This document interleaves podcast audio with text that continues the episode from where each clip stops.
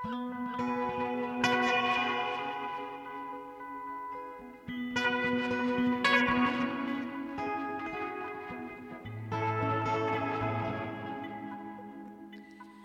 sæl og blessuð við sjá helsar ágætu hlustendur þriðudaginn 20. og 4. november slettur mánuður til jóla.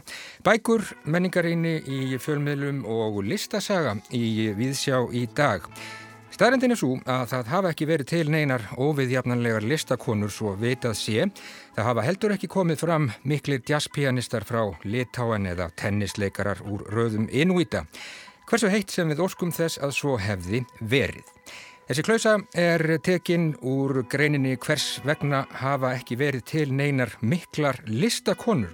Eftir bandaríska listfræðingin Lindu Nokklin en greinin kom nýverið út í íslenskri þýðingu Margreðar Elisabetar Ólafstóttur og Guðrúnar Erðlu Geistóttur. Við viljum að fjalla um þessa tímamóta grein í Víðsjá í dag og tölum við Margreði Elisabetu listfræðing. Björn Þór Viljámsson, bókmynda gaggrinandi, hann rínir í dag í nýjustu skálsögu Steinar Spraga sem að nefnist Trublunin. Þetta er bók sem að gerist í framtíðinni árið 2034 held ég og lýsir heimi sem að hefur kvíslast í tvær vittir sem einungis snertast á litlu svæði í miðbæ Reykjavíkur, trubluninni. Erum meira af því í þættinum í dag og við ætlum líka að hugað gefnu tilefni að menningar umfjöllun í fjölmiðlum. Menningar ríni á opinberum vettvangi. Greta Sigriður Einarstóttir, hún hefur skoðun á þeim málum og við heyrum í henni hér rétt á eftir. Og bókvikunar á ráseitt að þessu sinni er um tíman og vatnið eftir Andra Snæ Magnason. Bókin kom út árið 2019 og fjallar um lofslagsvána, tengslmiðli, kynnslóða, tíman og tungumálið. Á næstu hundra árum verða grundvallar breytingar á eðli vass á jörðinni, þetta vitum við. Jöklar munu bráðna yfir borð hafsins rísa og sírusteg þess breytast meira en gerst hefur í 50 miljón ár, hvorki meirinni minna. Þetta eru breytingar sem að snerta allt líf á jörðinni og þær eru flóknari en flest það sem hugurinn er vanur að fást við, stærri en öll fyrri reynsla okkar, stærri en tungumálið mögulega. Í þessari bók veldir Andri Snær í senn persónulegur og vísindarlegur því fyrir sér hvort menn eigi yfir höfuð orð yfir svo stórar jarðsögulegar breytingar. Hlustundur heyra í andra í þætti dagsins. En við ætlum að byrja í dag á menningarríni og fjölmiðlum Greta Sigriður Einarstóttir. Það er vinsæl skoðun að menningar umfjöllun sé hverfandi í fjölmiðlum og það litla sem sé byrt hafi lítinn slagkraft. Fólk dæsir yfir því að ljóðabækur sem koma út í dag fái vart umfjöllun í blöðunum, tónlistarblokkin séu að týna tölunni og að myndlistardóma sé hvergi að sjá. Vöndu gaggríni setur listaverk í samhengi við samtíma sinn og vekur neytendur til umhugsunar. Flestir listamenn vilja sjá umfjöllun um verk sín. Hún er líka markastæki. Umræða keirir sölu og útgefendur fá ekki nóg af umfjöllun. Kanski skortir ekki á magn menningar umfjöllunar heldur gæði. Kanski er það kvorki fjárskortur fjölmiðla nýja áhuga leysi lesenda sem er að kæfa menningarskrif heldur innihaldsrýrð og láteiða í skoðanaskiptum. Færri rítumar byrtast á síðum fjölmila en fyrir nokkrum áratugum. Fjölmila umhverfið hefur breyst og nýri miðlar hafa ekki séð ástæðu til að byrta umfangsmikla menningarumfjöllin. Umræða um listir og menningu er þó talsverð, bæði á prenti og ljósvækameilum. Framleiðsla og aðgengi að menningu er að samaskapi mikið og baróttan um sviðsljósið er hörð. Listamenn kvarta yfir að fá ekki umfjöllunum verk sín en fjölmiðlar kvarta aftur á móti undan lítli aðtekli lesenda og smetlaskorti á menningargreinar. Nýlega sá ég rifjað upp á samfélagsmiðlum að við útgafu ljóðabókar fyrir tveimur áratugum hafi byrst fimm riddómar. Frásögninni var ætlað að vekja upp söknuð eftir ríkulegri menningarumfjöllun í veröld sem var en ég nenni ekki að lesa fimm dóma um hverja einustu ljóðabók ef þeir taka allir á efninu með sömu silki hönskunum. Menningarumfjöllin fjölmiðla er oft gaggrind fyrir metnaðarleysi. Ólíkt öðru efni byrtast drottningarviðtöl, óyfirlastnar fjölmiðlatilkynningar í dulargerfi frétta og fyllt upp með hverjir voru hvar. Skilabóðin sem fjölmiðlar senda eru einföld. Peningar og pólitík skipta máli, hitt er bara skraut. Svo er fólk hissa á því að menningarfrettir laði ekki að lesendur. Eftir hrun var viðskipta bladamönnum hallmælt fyrir að hafa gert sér ofdælt við bankana og ekki staðið sig sem fulltrúar fjörða valdsins, málsvari og upplýsingaveita almennings. Kanski ættu við að krefjast meira af menningarbladamennsku. Áhrifavaldar á samfélagsmiðlum þurfa að hlýta auglýsingalögum og merkja efni frá sér í bak og fyrir ef varan barst heima gjöf. Slíku er ekki fyrir að fara þegar kemur að gaggrinundu menningarefnis, þrátt fyrir að það sé í hag markaðsæðila að fá umfjöldun. Gaggrínendur fá bóði leikús, nýjar íslenskar bækur og margt fleira. Þeir fá ekki endilega há laun fyrir vinnu sína, svo margir kjósa að líta á þetta sem sjálfsögð hlunnindi. Starfið er unnið af hugssjón en til lengri tíma litið verður fyrirkomulægið til þess að samstarf gaggrínenda og markaðarins er átaka lítið. Í grein sem byrtist fyrir nokkrum árum reyfaði Alli Bodlason skort á tónlistargaggrinni og rifjaði upp að í eigin skrifum fannst honum spennandi að vera tilnittur til að hafa skoðun á verkinu. En það er ekki nóg að hafa skoðun, hún þarf líka að koma fram í tekstanum. Eitt besta stílráð sem ég hef fengið er að klippa út öll úrdráttarorð og fyrirvara. Personulega finnst mér. Að mínu mati. Vissulega væri hægt að segja en þó ekki. Segðu bara það sem þú vilt segja og láttu aðra um að andmæla. Ef lesendur eru hróplega ósamála er alltaf hægt að útrópa gaggrínandan á samfélagsmiðlum eða hefja rittdeilur í fjölmiðlum. Það er fátt skemmtilegra en góð rittdeila og ég hvet alla sem eru ósamála mér til að byrta ansvar. Gaggrínendur sem draga úr og í og setja fyrirvara við allt enda á að segja ekki neitt. Stundum er það hræðslan við að ofinbera vannþekkingu sem veldur döfleikanum. Þegar þekktur tónlistarmadur gefur út nýja plötu sem hlotið hefur lof annara gaggrínenda getur verið erfitt fyrir leikmann að hlaða hana lasti. En stundum er keisarin bara ekki í neinum fötum og það þarf ekki innleikara próf frá listaháskólanum til að meta það. Samfélagsmiðlar hafa líka áhrif. Alveg eins og fyrsta bók Nobelskáldsins var kölluð vjelstrokkað tilberasmjör á síðum dagbladana, hlutur Reykjavíkurdætur engunina feit pæling sem gekk ekki upp á Twitter. Eiríkur Örd Nordal vakti einhverju sinni aðtegli að því að þrátt fyrir að margir teldu gaggrinni á starafugli oft harkalega var hlutfall neikværa dóma lægra en flestri heldu. Mun ferri lásu hins vegar jákvæðu dómana á meðan menn tættu þá neikvæðu í sig á samfélagsmiðlum. Alveg jamt og átök knýja áfram söguþráði í skáldverki eru það átökin í umræðunni sem knýja lestur. Við þurfum ekki að skiptast á skoðunum ef við erum öll sammála. Það er ekki þægilegt að skrifa gaggrína gaggríni. Við búum í litlu samfélagi og það er sjálfnast löng boðleið til höfundar. Ég hef sjálf hummað fram að mér að klára rétóm af því að ég vildi síður gaggrína bókina eins ofinberlega og harkalega og skoðun mín bauð mér. Eftir á að higgja var fáum greiði gerður með því, ekki höfundi bókarinnar, nýja útgefandanum og sísta völlu lesendum. Það er erfitt að skrifa neikvæða gaggríni en ekki síður að standa með jákvæðum dómi á afdráttarlausan hátt.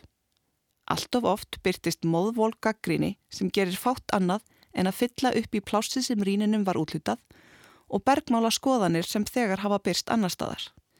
Vöndu gaggríni þarf ekki að vera neikvæð en skýr afstafa er kostur. Á síðasta ári byrti Sinjú Sjang gaggríni í tímariti máls og menningar um bókina Ör eftir auði öfu. Greinin var vönduð og vel unnin, byrtist lungu eftir að söluvertið bókarinnar laug og efni hennar var í mótsögn við flesta rittdóma sem þegar höfðu byrst um bókina.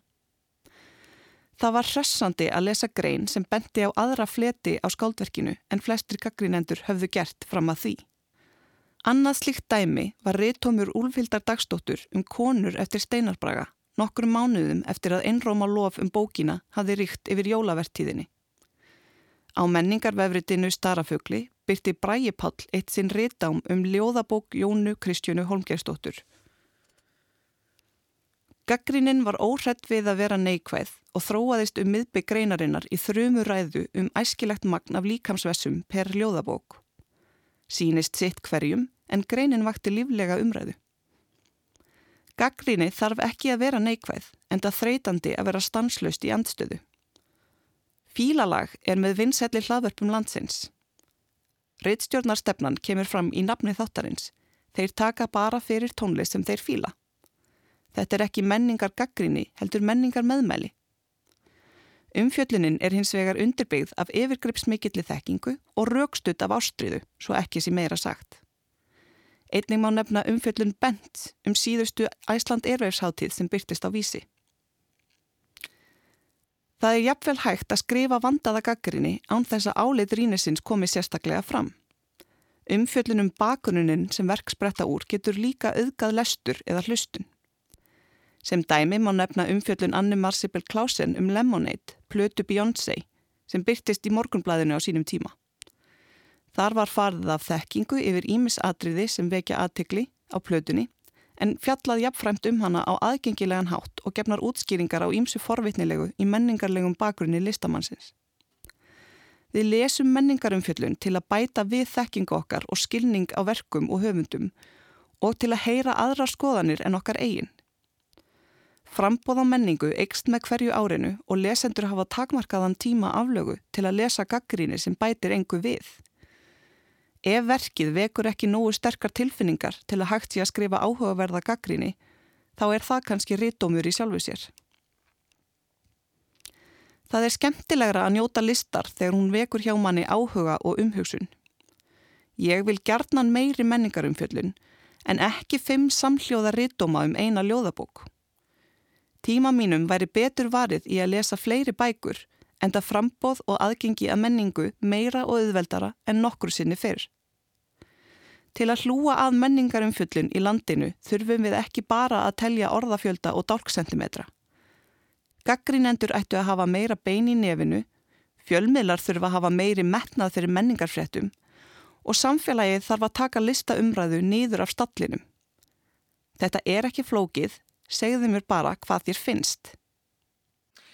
Já, nokkamlega þetta sagði Greta Sýriður Einarstóttir. Menningarumfjöllun snýst ekki bara um dálk, sentimetra og um orða fjölda, Greta auglísir eftir. Því að fólk segi það sem því finnst og óhætt að taka undir það.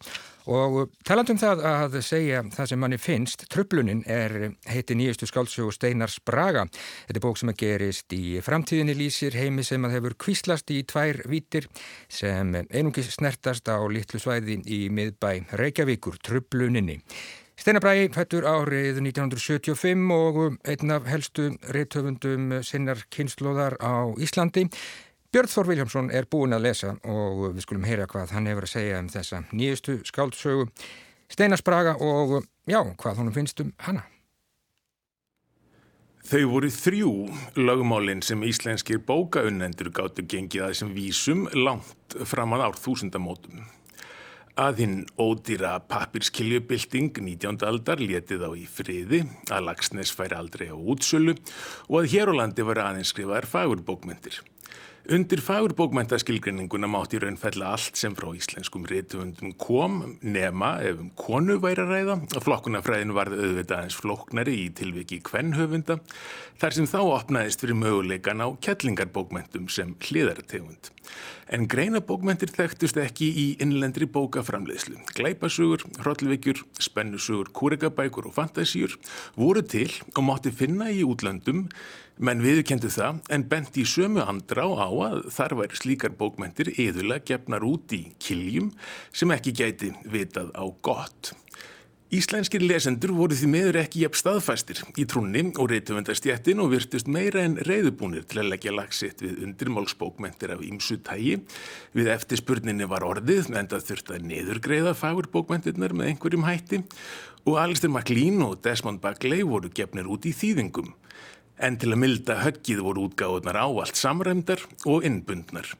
Stephen King bættist í hópin á samt öðrum og allir undur sáttir við sitt, eða þanga til að Arnaldur Indriðarsson gerðist.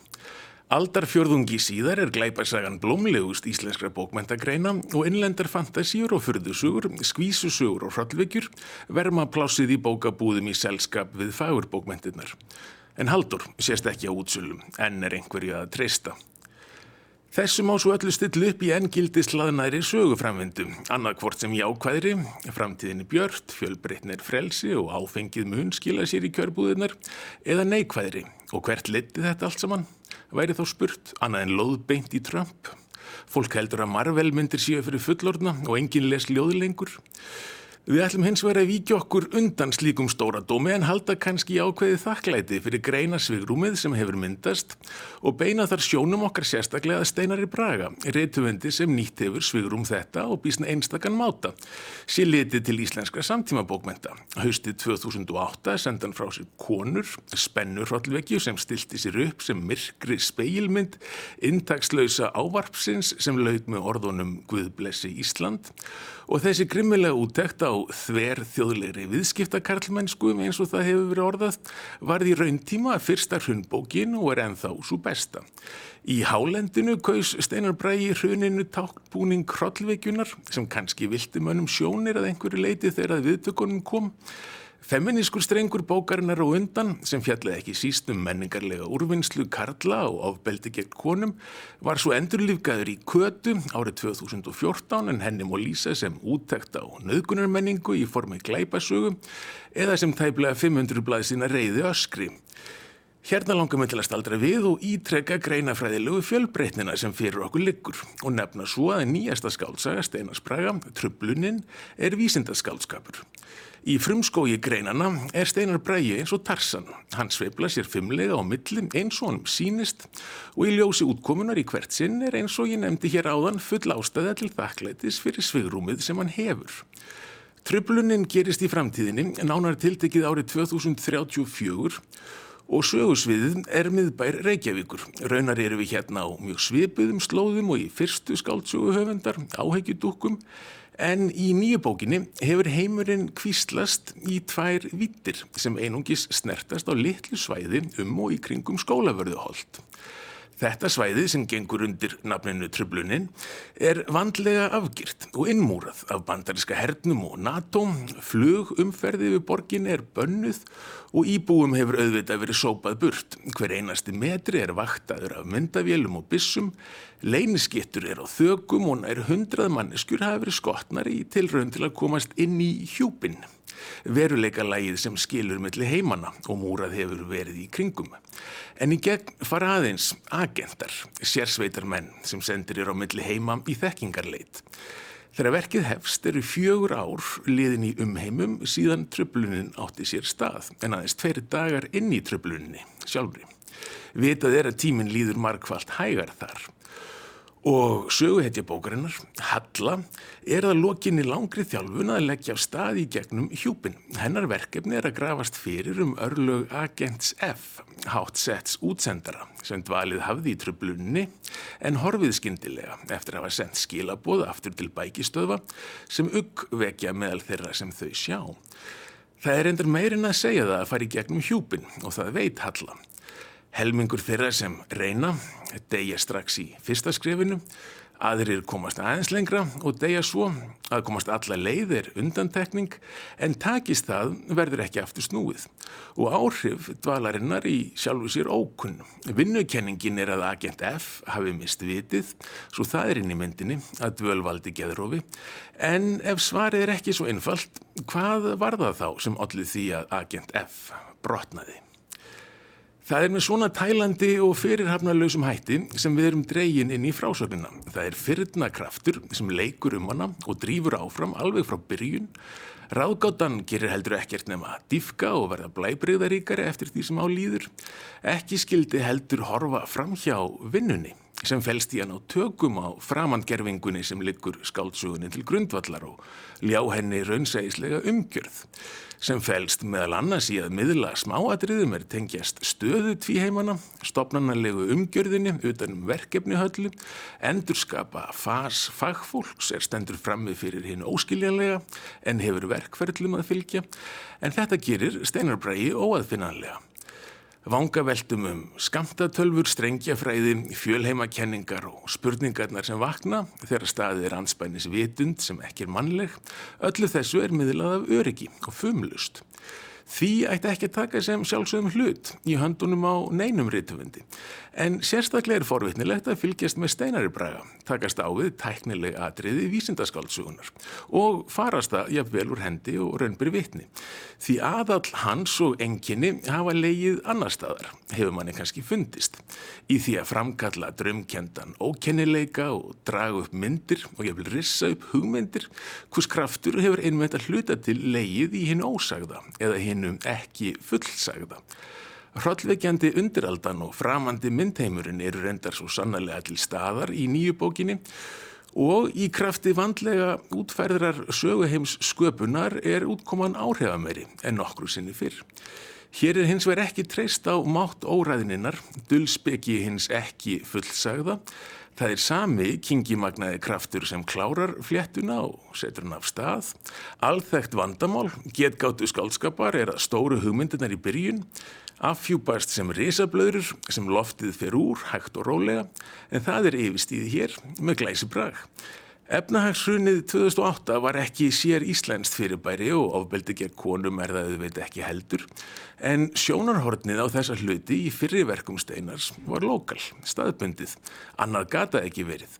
En hérna er sögursviðið lokal en sjónarhornið rýsi yfir og handan Íslands og viðfangsefnið gerir það líka.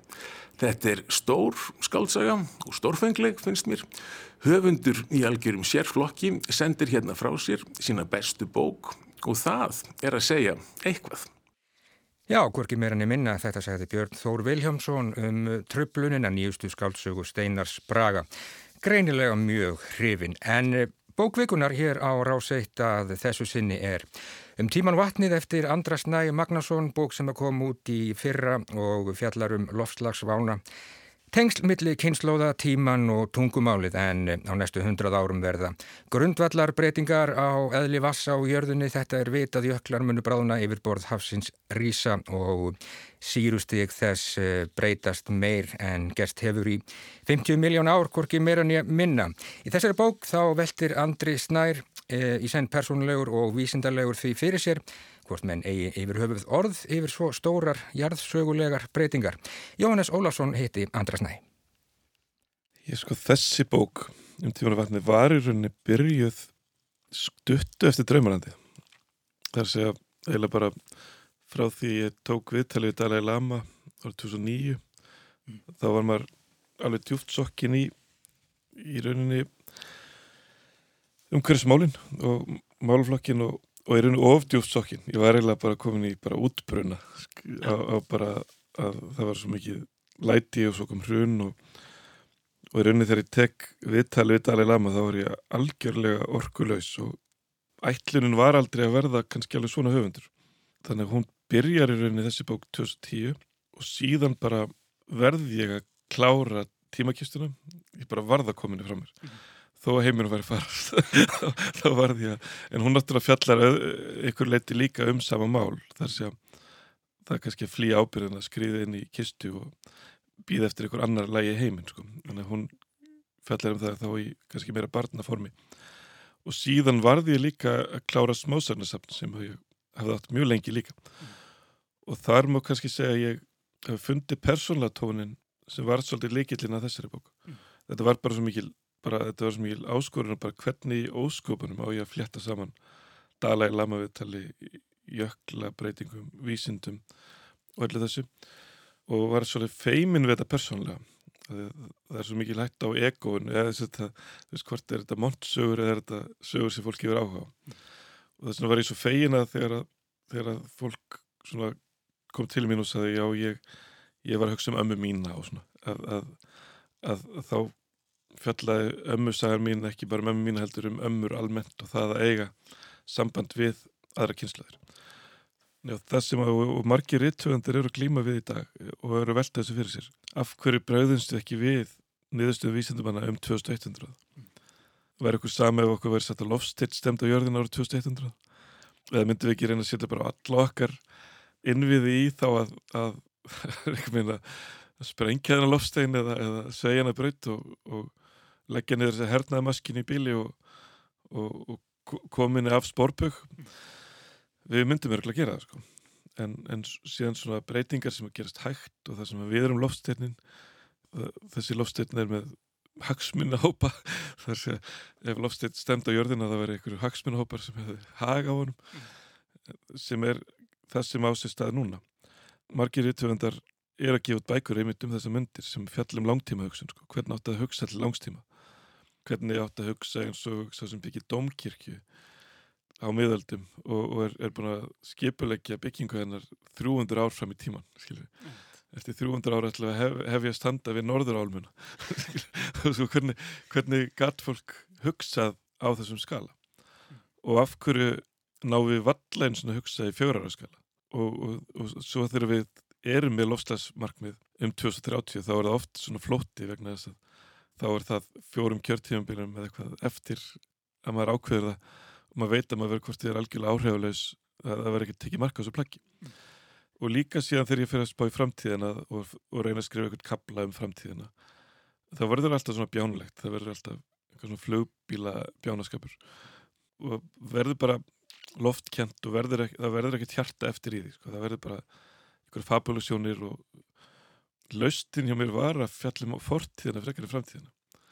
Og, og taka síðan þessa fortíð og varpinni fram í tíman á, á svona sérstaklega nátt þannig að gera okkur grein fyrir til þess að barn sem fæðis í dag ef fólk er á annar borðið eignarspörn í dag þá lítir að vera velta fyrir sér líftíma þessa barns. Og af því ekki er þetta bara af tómur í grættu sem fólk eignast börn þegar lítur að vera að hugsa um eitthvað, eitthvað, eitthvað stærra.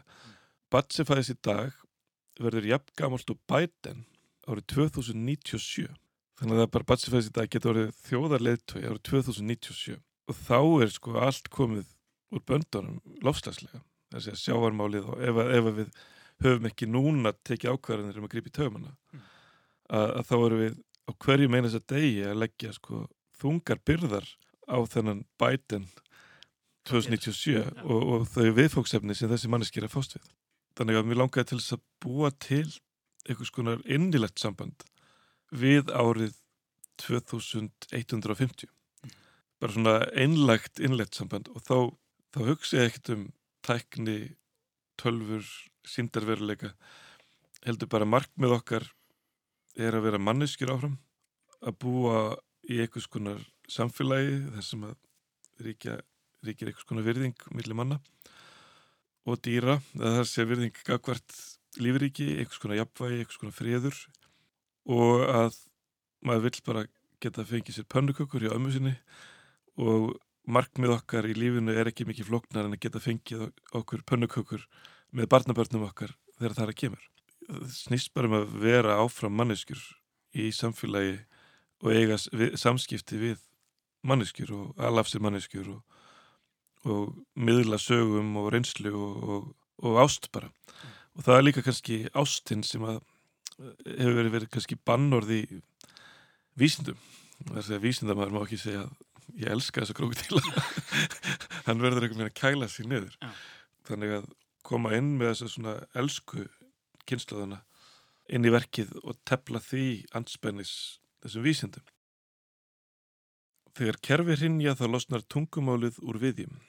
Orð sem áttu að fanga veruleikan hanga í lausu lofti og eða ekki lengur við.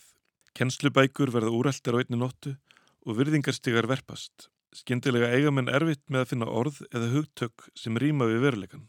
Á milli höfða og höðstöðana er grasi vaksið tún og á því miðjustendur pínulítil réttjuleg trjáþyrping. Seks greinitri og úr sér vaksinn loðviðir.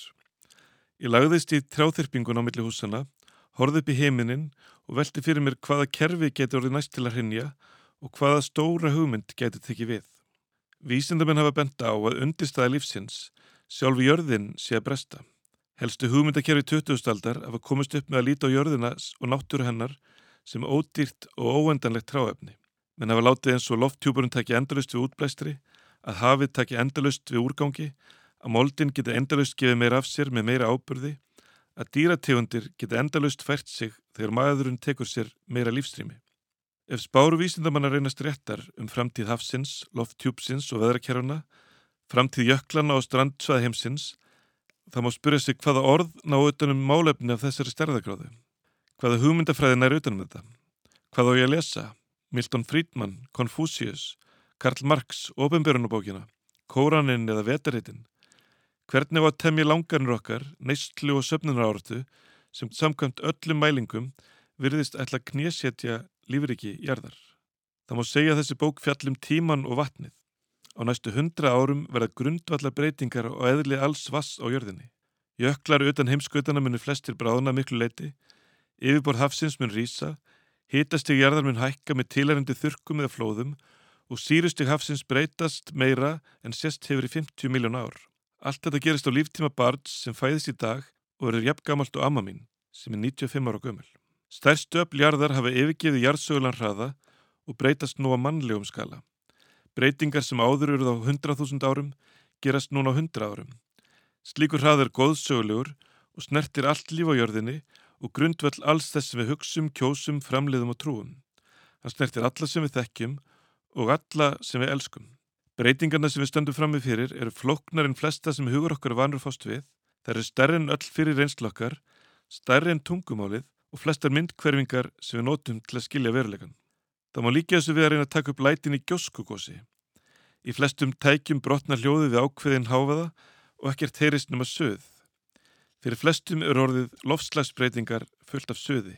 Það er auðveldar að hafa skoðan á smarri málöfnum, við skinnjum þegar eitthvað sem kostar miljónir eðalagt, þegar dýr er skotið eða framkvæmt reynist of dýr, en þegar kemur einhverju sem er óendanlega stórt, heillagt og grundvöldur lífsokkar þar að ekki, kom ekki samsvarandi viðbröð. Það er svo heilin skinni ekki stærðina. Suðu blekkjur okkur, við sjáum fyrirsagnir og telljum okkur skilja orðin. Bráðnun jökla, hitamett, súrnun sjávar, aukin losun. Ef vísindamenn hafa rétt fyrir sér, eru þessi orð alvarlegri en allt sem gerst hefur í mannkynsugunni fram til þessa. Ef við skildum þetta til fulls, ætti það bein áhrifar hegðun okkar og ákvarðanir. En það er einhver líkara en að 99% af merkingu orðana lendi í söðinu. Kanski söð ekki rétt myndkörfing, vegna þess að fyrirbærið er líkara svarthóli. Engin vísindamadur hefur séð svarthól, þau geta haft massa á við miljón sólir og gleipa hljós. Eina leiðin til að greina svarthól er með því að horfa fram hjá þeim, horfa á nærleikjandi geimþókur og stjórnur. Þegar umir að ræða málefni sem snertir allt vatn á jörðinni, allt yfirborjarðar og allan lofthjúpin er það svo stort að það sogar í sig alla merkingu. Eina leiðin til að skrifa málefnið er að fara aftan að því, til hliðar, undir það, aftur og fram í tíman, vera persónlegur og vísindilegur og nýta sér tungumál goðafræðinar. Ég þarf að skrifa um hlutina með því að skrifa ekki um þá, ég þarf að ganga aftur og bakk til að komast áfram. Við erum upp á tímum þegar hugsunin og tungumáli losnar úr hugmyndafræðilegum viðjum. Við lifum tíma bölbænarinnar sem er vist ránglega sögð kynversk en jafn góð fyrir því, megir þú lifa áhugaverða tíma. Já, Andri Snær Magnason las hér brott úr bóksinni um tíman og vatnið sem er bókvikunar hér á ráseitt að þessu sinni. Jónis Ólafsson rétti við andra og viðmælendur Jóhannesar í þættinum bókvikunar hér á ráseitt á sunnudag verða þau. Guðfinna T.H. Adalgeistóttir, profesor í Jöklafræði við Háskóla Íslands og Bræi Pál Sigurðarsson, réttöfundur. En við ætlum að huga að konum og listasögu hér rétt á eftir í Víðsjá á þriðudegi tími fyrir lag áður en að því kemur. Hér er sungið ekki um fíla mann heldur fíla konu blond réttett elefantavúm.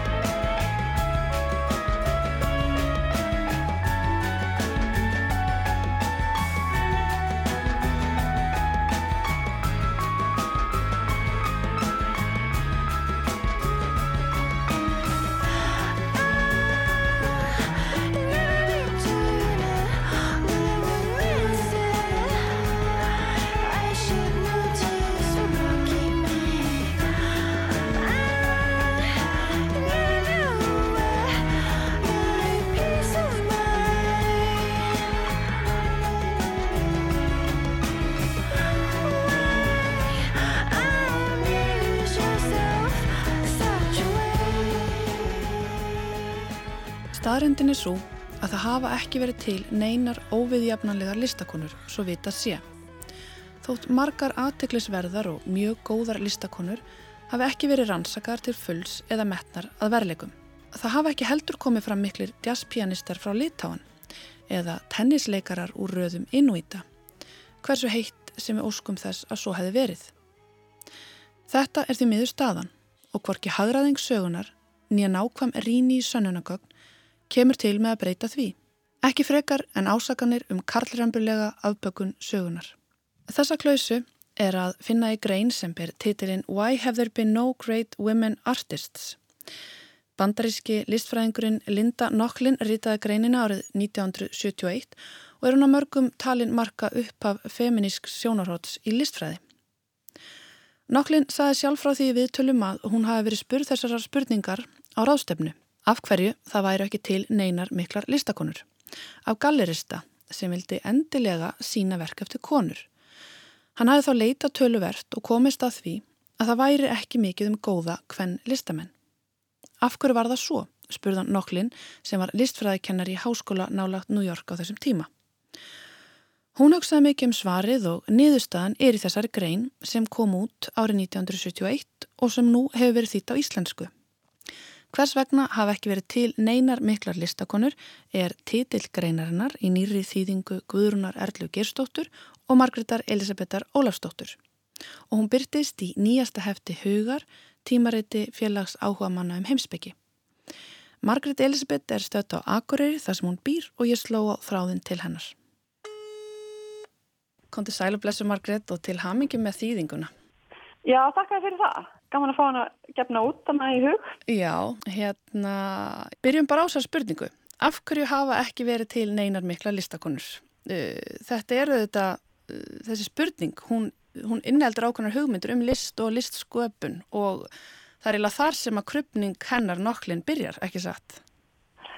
Jú, í rauninni kannski uh, út frá því í rauninni hvernig listasagan hafi verið sögð fram að þeim tíma og það er náttúrulega einhverja fórsendur sem við getum alveg rakið aftur til í rauninni bara enduristnarinnar og náttúrulega áhrif síðan lista akademíana í rauninni sem að koma að vera til svona ákveði, ákveði mentakerfi sem að breyðst út um Evrópu sem að hérna er einn fórsenda þessara, hvað maður segja, þessara mikil fengleika erunni þar þeir sem hafa farið í þessa, mm -hmm. í þessa listaakademíur. Svo hangir þetta alltaf saman við í rauninni kannski aukna áherslu á einstaklingin og uh, einhvern veginn tímabil sem að komur að segja sem að upphefur þessar hugmyndir um snillinga og snilligáfu sem að er kannski ekki bara myndlist, þetta er á fleiri sviðum en þetta er ekki það svona aftur til endurisnarinnar og þetta nær svona ákveðinu hámarki þarna á 19. öld sem er svona þetta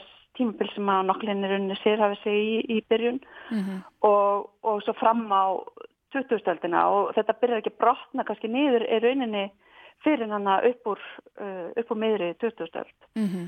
og já og þá verður þessi greini mitt hennar sem að það sem hún er rauninni skoðar áhrif þessa Uh, á konur og rauninni sýnir fram á það mm. að í þessu kerfi akademíinar þar sem að konur rauninni fá ekki ingöngu þá eiga þær uh, hvað maður segja ekki möguleika á að ná þessum svo kallega mikilfengleika sem er þetta við, viðmið sem að verður hana til mm -hmm. sem að getum svona í stuðmáli Emmeit, hún rekur að svona hvernig konur mátt ekki stunda listnáma eins og segir þær gáttu ekki sótt uh, móteltekningu að því að þær mátt ekki sjá nakta líkama til dæmis, þar fengu ekki mentun á borðu Karla og hún svona, allt í hennu, hún nær svona brjóta það niður og sína það hvernig kerfið var bara konum ekki hag. Já, hún algjörlega gerir það á bara eitthvað eins og mjög, hérna, hún gerir þetta bara svo rosalega vel Já. og ég var um þetta þessi áherslu greinarinnar náttúrulega byggja bæði á, hérna, uh, því hvað hún er bara frábær fræðmaður mm -hmm. og, og vel einhvern veginn, sko, þekkir tímabilið út og inn og, og þú veist, og hvað allt það sem að liggur hann að baki mm -hmm. og síðan einhvern veginn er hann líka með áfæðin húmor mm -hmm. sem mér finnst sko skína í gegn líka hún svona pínleiti gerir svona svona, svona fyrir mjög fíla í að svolítið hæðast í rauninni Pínu gera að grína þessari upphafningu svona Já, já mm -hmm. hann, hann er einhvern veginn skemmtilegur sko líka, fræðilega hérna, skoteldur og einhvern veginn svona, já, mm -hmm. skemmtilegur í því hvernig hún svona tekur þetta og svona tvist, já, svona snýr svolítið upp á handlegin á þessu, á þessu hérna kerfi. Mér ást maður að sjá það einmitt svo vel í sko þegar hún tekur hugtækjum snillingin og bara alveg afbyggir það Vasari og þessir þekktu stóru hérna, lista sagfræðingar, hvernig þeir töluðu um snillingana sem þú myndst aðan, hérna, endurisna snillingana, hvernig þeir höfðu oftast verið eitthvað einir út á túnni að teikna og þá hafi einhver meistari komið og séð þá og svona ákveða að taka undir sín vendavæng og hjálpa þeim að slípa þá til og verða snillingana sem þeir fættist til að vera. Og hún svona eh, bendir á að það er doldi margir sem að hafa einmitt eiga sér þessa mýtu að hafa verið eitthvað út í sveit að teikna þegar er að uppgötast. Já, hún har mitt bendir náttúrulega á að þetta kemur svolítið fyrst frá mitt Vasari sem er nú alltaf talin vera svona uppásmaður hérna listasögunar eða þessara fræðigreinar með því að hann sér hérna að það er alltaf komið, hvað maður segja, að það er eitthvað nýjungar hérna hún har verið í gangi í listum og, og hún er fyrst þess að vera svo merkileg menn þarna sem mm -hmm. hafa komið fram að það sé ástæð til að skrifa þeirra æfisög og þetta verður svona svolítið þráðurinn í rauninni kannski í, eh, veist, í hans skrifum sem síðan á eftir að leta í rauninni uh, listasjóðskrif uh, mm -hmm. Bara sko lengi langt fram eftir 2000-stöldinni mm -hmm. og við þekkjum þetta fyrst bara það er bara eins og tala um Picasso nefnir, nefnir hann til dæmis og, og, hérna, og þetta er kannski þetta mikilvæg að þetta er engungu tengt við uh, karlkinnið síðan mm -hmm sem að hérna, er svo slándi líka. Já það er svona svo mikilvægt fyrir hann að afbyggja þetta hugtak vegna þess að ef við gerum ráð fyrir að snillingur sé til þá er raunin er að segja að konur get ekki verið snillingar af því að þær hafa ekki verið það ekki nú söguna, er það ekki? Hva? Jú og hún er náttúrulega raunin að sína fram á að, að þetta er uh, sem, uh, já hún náttúrulega tekur þann kannski pól í hæðina að, að þetta er hérna eru svo mikið, hvað maður segja, já, umhverfistættir og, og bara aðstæður og mm -hmm. aðbúnaður og hvað tækifæri hefur og bendur meðal annars á um þetta konu sem að þó hafa hérna, náð árangri í listum, það er mitt eiga að koma úr fjölskyldum þar sem að í rauninni er einhvers konar listiðkun mm -hmm. í rauninni og hérna þannig að það er þetta í hvað umhverfi mm -hmm. elstu upp og hvað, veist, hvað, hvað er það í rauninni sem þú hefur aðgang af í þínu uppeldi sem gera verkum að þú nær þessum árangri eða ferð ákveðna leið það má kannski -hmm. líka uh, hugsa þannig ég fann að það er nýbúið að vera halda upp á Amal Berta Torvald sem mm -hmm. við tengjum við þú veist svona hérna þessi dánarski snillingur hann mm -hmm. er úr þessum hópi sem við viljum segja þessi íslenskur endar Já, me, já, nákvæmlega af því að það er um eitt íslenskur mm -hmm. og ef maður bara hugsa um hérna hann þá, afhver, hérna, þá er hann af svona tríu skurðar ætt, þetta er náttúrulega tímabili danskri listasögu þar sem að listaakadémiðan er svolítið ný mm -hmm. og, og hérna og hún er að taka við afiruninni uh, handelsverkstæðunum mm -hmm. og pappið Bertels er með trískurðarmistari og smiður og strákurinn kemst á einhvern veginn inn í akademíuna kort ungur, mm -hmm. ég menn hann byrjar eitthvað 11 ára gama til rauninni í námi og, og hann, hann er sko marga áratíði í rauninni að læra hann verður ekki þessi listamæður sem hann var nema vegna þessara aðstæðuna mm -hmm. í mhm. rauninni sem hann er búnar. Hann fekk ótrúlega tækifæri. Hann fekk ótrúlega tækifæri og en minna, hann hafði líka, hann þurfti alveg að vinna fyrir þið í rauninni mm -hmm. líka sko En svo er, ég var reyndar af annað sem við sko þýðinguna, við vorum alveg rosalega mikið að vandræðist með þetta Women Artist sem mm -hmm. er tillgreinarnar á ennsku og á íslensku eru alltaf tölvalda myndlistamenn og uh, orðið listakonur allavega ég fór reyndar að hugsa mögulega að sko er það breytast aftur, var eiginlega svolítið svo niðrandi, veist átti við, ef það varst listakona, það varstu, fástu við keramík eða vefna sem var eitthvað svona uh, þrepi neðar en hérna, málverkið og, og náttúrulega gerðla sem að, Guðnarla sem að mm -hmm. er búin að vera í framlínunni í uh, barátunni fyrir sko, stöðu hvenna mm -hmm. í mhm. bæði pólitík og, og myndlist í ára tugi og náttúrulega búin að hérna, lesa sér grein og, og vera með hana í vasanum í, í albara frá að koma út nánar að hérna að við tengdum sko við já, í rauninni uh, að lista konur þú veist, já, það tengdist kannski vefnaði, keramík og kannski ástæðilega benda á núna sí, síningin listræðir listræðin Íslands sem til einhver vefnaðarlist mm -hmm. stórum hluta og hvað margar sko konur sem að þar eiga verk, sérstaklega hana í tjarnasalunum sem að uh, eru frábærar uh, veflistakonur en, og eru að gera frábæra listaverk en þessum verkum hefur ekki nema eftir örfáarið hefur ekki verið hampað í rauninni nei, nei. í sögunni þannig að við erum einhvern veginn, sko ennþá, það er ennþá alveg verið að vinna úr uh, þessu til dæmis uh, bara í okkar hérna listasögu mm -hmm. og varandi það með hvernig sko þetta hugdag listakona var þá tengt við ákveðna miðla eins og keramík og eins og hérna vefnaði sem var einhvern veginn svona skur lægra mm -hmm. heldur en málverki sem er náttúrulega málverki og högmyndalistin sem er nátengt þessum greinir sem voru kendar í þessum akadémium og voru þá líka í rauninni þær greinar þar sem að veist, miklu listamenn fengust við. Sko. Þannig það er mikilvægt að endur skoða líka veist, það hvernig við horfum á þessa hluti og hvernig þetta er einhvern veginn svona niðurnjörfað í uh, þessa sögu. Mm -hmm. og, og, já. já, já, ég menna hún er að benda í rauninu bara Hún er eina af þeim fyrstu til að benda á að þetta snúist um kyn, kynþátt og stjætt auðvitað líka og, og, og það eru sagt, hún talar um kerfin sem eru sniðin að stakki ákveðina þjóðfélagsópa og bara á þessum tíma ekki hvenna og hún setur þetta bara afskaplega skýrt fram. Og sérstaklega í þessari setningu sem er náttúrulega kannski fleigust og frægust úr þessari grein að spyrja hvers vegna hafi ekki verið til neinar mikla listakonur er í raun eins og að spyrja af hverju er ekki til neini svartil miklir listamenn. Og ef þú setur þetta svona fram þá verður þetta svo augljóst. Já, algjörlega, þetta er bara þess að þetta er um mitt, hvaða aðstæður í rauninni hefuru mm -hmm. og það er svona kannski aftur að snúa þetta Íslandi þá finnst mér einni kannski við uh, sko þegar við erum að skoða íslenska listasögu og aftur tíman mm -hmm. ekki að tekið uh, nógu vel utanum í rauninni þennan þátt í stöðu okkar innan þess að evróska kerfi sér rauninni sem að þetta er náttúrulega evrósk kerfi í grunninn mm -hmm. sem að færi sér niður til bandaríkjana og við erum alltaf að máta okkur við þegar Björn Há og Mattias Þorðarsson byrja að skrifa um veist, íslenska myndlist og þá erum við alltaf að máta okkur inn í þetta kerfi og þessi mm -hmm. viðmið mm -hmm. og niðurstaðan verður svo að við eigum yngar myndlistasög að því hún passar ekki inn í þetta sko. Mm -hmm. Þið veist þetta greinlega mjög brín uh, grein enn þann dag í dag, það er alveg hægt að heyra það Já, mér finnst þú sko að þegar ég lesa hana fyrst, alveg ótrúlega hvað hún einhvern veginn sko uh, þá að breyst og nokklum bendur á sjálf uh, í grein sem hún skrifaði 30 árum eftir að þessi grein kom út mm.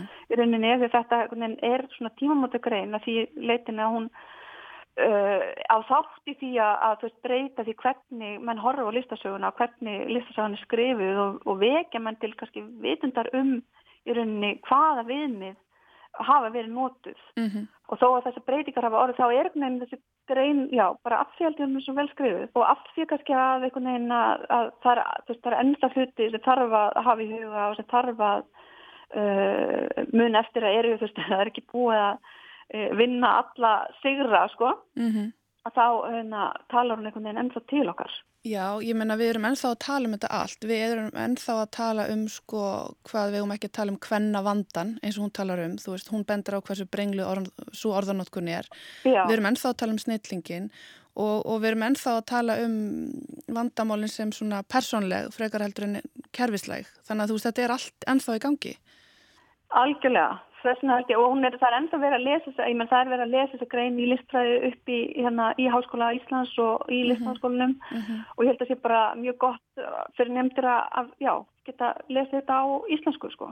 Algjörlega. Að verður aðgengilegra og hjálpar bara líka orðuræðinu um myndlist, held ég, þú veist, það hvernig við tölum um myndlist á íslensku, því maður finnur mjög sterkt fyrir því að ég ger það fjá, sem mínu nefndum upp í listaháskóla að þeir eru bara hreinlega, þeir lesa alltaf einsku þannig að þeir eiga orðið bara erfið með að tjá sig já. um myndist á íslensku. Já, við erum ofta að leita að réttu orðunum, það er rétt já, bara já. og allstaðar, þannig að þetta er bara virkilega mikilvægt og við bara þökkum fyrir það, Margret, Elisabeth, ykkur gerðlu fyrir þetta framtak og bendum áhugasumum á hug, tímaröndum heimsbyggi sem að félag áhuga manna um heimsbyggi gefur út.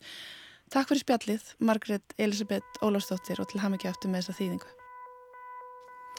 Já, það var Halla Harðardóttir sem að rætti þarna við Margreti Elisabethu Ólafsdóttur listfræðing. Konur og listasaga þessi merkagrein eftir bandaríska listfræðingin Lindu Nokklin hvers vegna hafa ekki verið til neinar miklar listakonur. Og svona ætlum við að ljúka þessu í dag við sjá hér aftur á sínum staðlaust eftir klukkan fjögur á morgun. Teknimaður í þessari útsendingu var Úlfildur Eisteinsdóttir. Takk fyrir samfélgina í dag. Kærlega verið sæl.